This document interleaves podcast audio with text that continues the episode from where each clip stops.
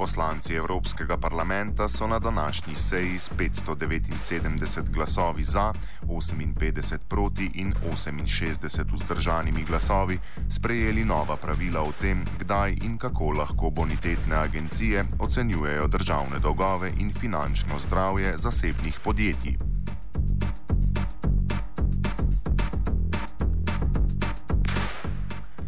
Nova pravila igre narekujejo naslednje. Ocene ne bodo smele poskušati vplivati na državne politike, agencije pa same ne bodo smele zagovarjati nobenih sprememb politik. Nenaročene bonitetne ocene državnih dolgov bodo lahko objavljene najmanj dvakrat in ne več kot trikrat letno in sicer na datume, ki jih bo agencija predhodno objavila konec predhodnega leta. Vlagatelji, ki se zanašajo na bonitetno oceno, lahko agencijo tožijo in zahtevajo odškodnino, če bi ta bodi si namerno ali iz hude malomarnosti kršila pravila. Nove predpise kot kršitev zakonodaje pa se šteje ocena, ki je v navskrižju interesov ali objavljena izven napovedanega koledarja.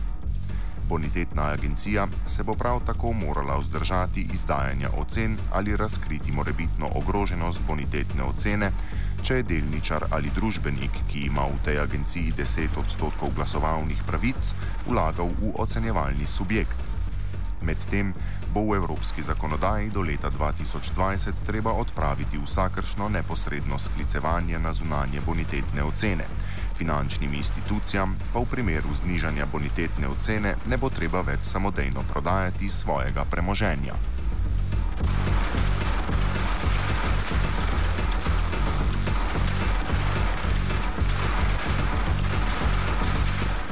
Kar nekaj sprememb, a vendarle v njih marsikdo vidi le prvi korak k korenitejšim spremembam oziroma nekaj, kar bi znalo vplivati na realnost šele na dolgi rok. Za začetek mnenje ekonomista Jožeta Mencingerja. Očitno je to, kar je parlament imel spet nekaj tipično evropskega, to se pravi nekaj umestnega, kar lahko nekaj pomeni ali pa nič ne pomeni, ne? ker vse skupaj je oddaljeno predvsej v preteklost ampak dokler bodo ljudje seveda prijeli tem bonitetnim agencijam, tokrat se ne da prav veliko narediti. E, problem je, da se te bonitetne agencije izkoriščajo, same so pa del kapitalskega trga, e, ki ima tudi interese, da so obresti, ki jih nekdo plačuje, čim više, zato je ni nenavadno, da one poskušajo tudi e, zmanjševati te ocene.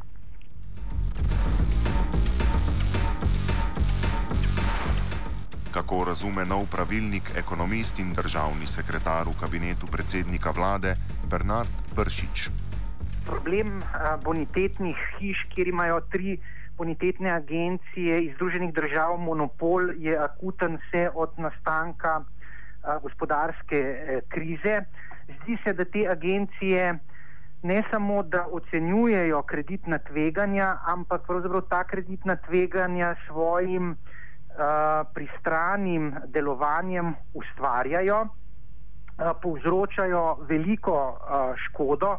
Gospodarska škoda se v posameznih primerjih meri v milijardah evrov in Evropska unija na svoji strani preprosto ni imela do sedaj mehanizma, da bi ta monopol uh, treh uh, ameriških bonitetnih uh, agencij zlomila. Uh, Eh, to priporočilo je nemara prvi korak k temu, da se uh, ta uh, zločesti vpliv bonitetnih agencij zmanjša, da se prenehajo manipulacije, namreč vse tri agencije so bile upletene v zelo problematično zniževanje bonitet posameznih držav od začetka gospodarske krize in so veljala v dobršni meri tudi za generator oziroma eno od potencijalnih žarišč gospodarske krize. Obžalovanje vredno je, da Evropa do sedaj še ni vzpostavila svoje institucije za ocenjevanje kreditnega tveganja. Ta priporočila, ki jih omenjate, pa so vendarle prvi korak k temu, da bodo prisilila ameriške SP, Dun Bradstreet, k, Moody's k temu, da se izogibajo manipulacijam pri upravljanju s kreditnimi tveganji. Kje vidi rešitev za problem obstoja in delovanja bonitetnih hiš Menzinger? Ja, jaz se pravi, jaz vidim v tem, da podvomiš sam v ocene bonitetnih agencij, drugačne vidim. Eh, se najbrž normalen človek, ki hoče nekam nekaj investirati, si samo gleda, kakšno je stanje v tistem gospodarstvu, eh, ne pa da se kar ozira na te ocene. Ampak ker te ocene nekomu koristijo, potem pač jih uporablja. Če si seveda sam tolk eh, priku neumen, če hočete, da jih vzameš kot čisto za to, ti pa seveda ni prav veliko pomoči. Ker potem se to prenaša na te obrestne mere, Eh, te obrestne mere se običajno jemljajo, kot da je to nekaj, kar je danes, ampak taka obrestna mera je samo nekaj, po kateri, obrestna mera, po kateri bi se zadolževal, če se ne zadolžuješ, je pravzaprav eh, to prav vse. In potem se to uporablja za takšne ali pa drugačne notranje eh, politične boje, tako da se tu prav veliko ne da narediti. Enostavno lahko rekel, je treba pamet uporabljati. Eh, ne pa se zmeri ozirati na to, kaj ti nekdo, nekdo reče.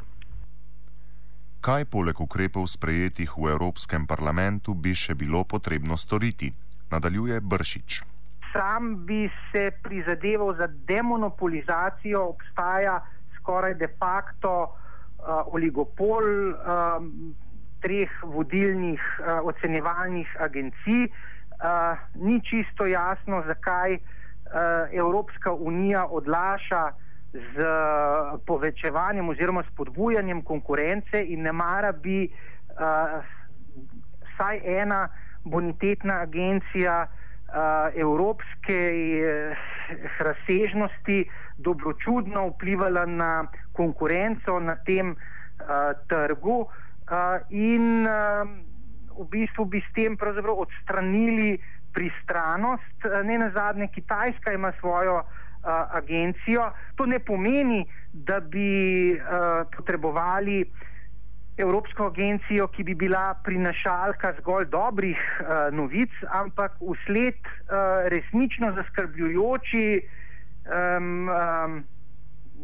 zgodovini uh, kre, določenih kreditnih ocen, kjer so te tri hiše pravzaprav tekmovale v uh, zniževanju kreditnih, uh, ocen kreditnih tveganj pri posameznih državah in prispevale k uh, dolžniški spirali, bi bilo uh, smiselno udejaniti vse ta priporočila, uh, ki ste jih uh, izpostavili sami.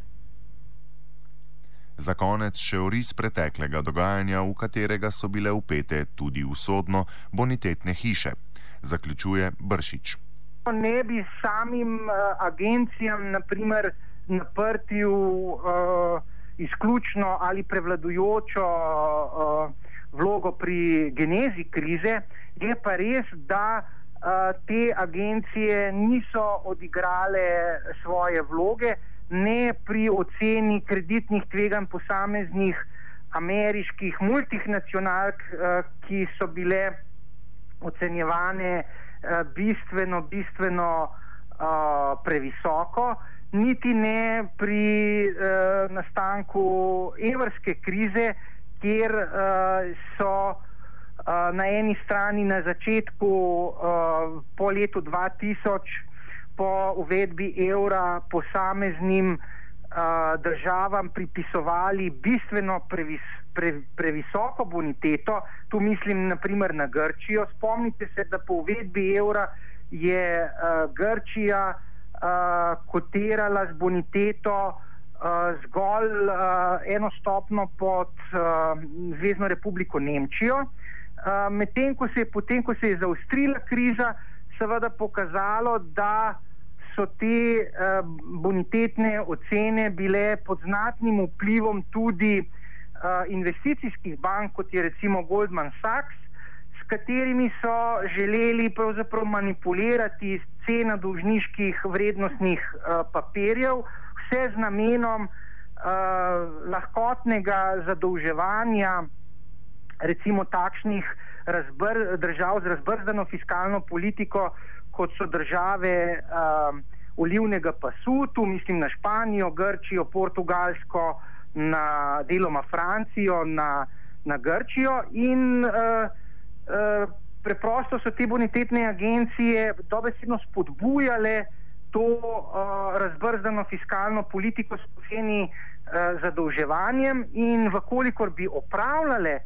svoj, svoj osnovni namen, to pa je realna ocena kreditnih tveganj, tudi uh, te uh, fiskalne ekspanzije, ki smo jo bili priča po uvedbi evra, ki je bila seveda uh, mogoča ob ohlapni denarni politiki, ki jo je vodila Evropska centralna banka, tega preprosto uh, ne bi bilo. Skratka, če povzamem, uh, bonitetne agencije niso glavni ver, za uh, nastanek te uh, evrske gospodarske krize, daleč od tega, so pa pomembno prispevale k temu, da se je ta uh, balon um, posameznih državnih vrednostnih uh, papirjev po uvedbi evra lahko napihnil.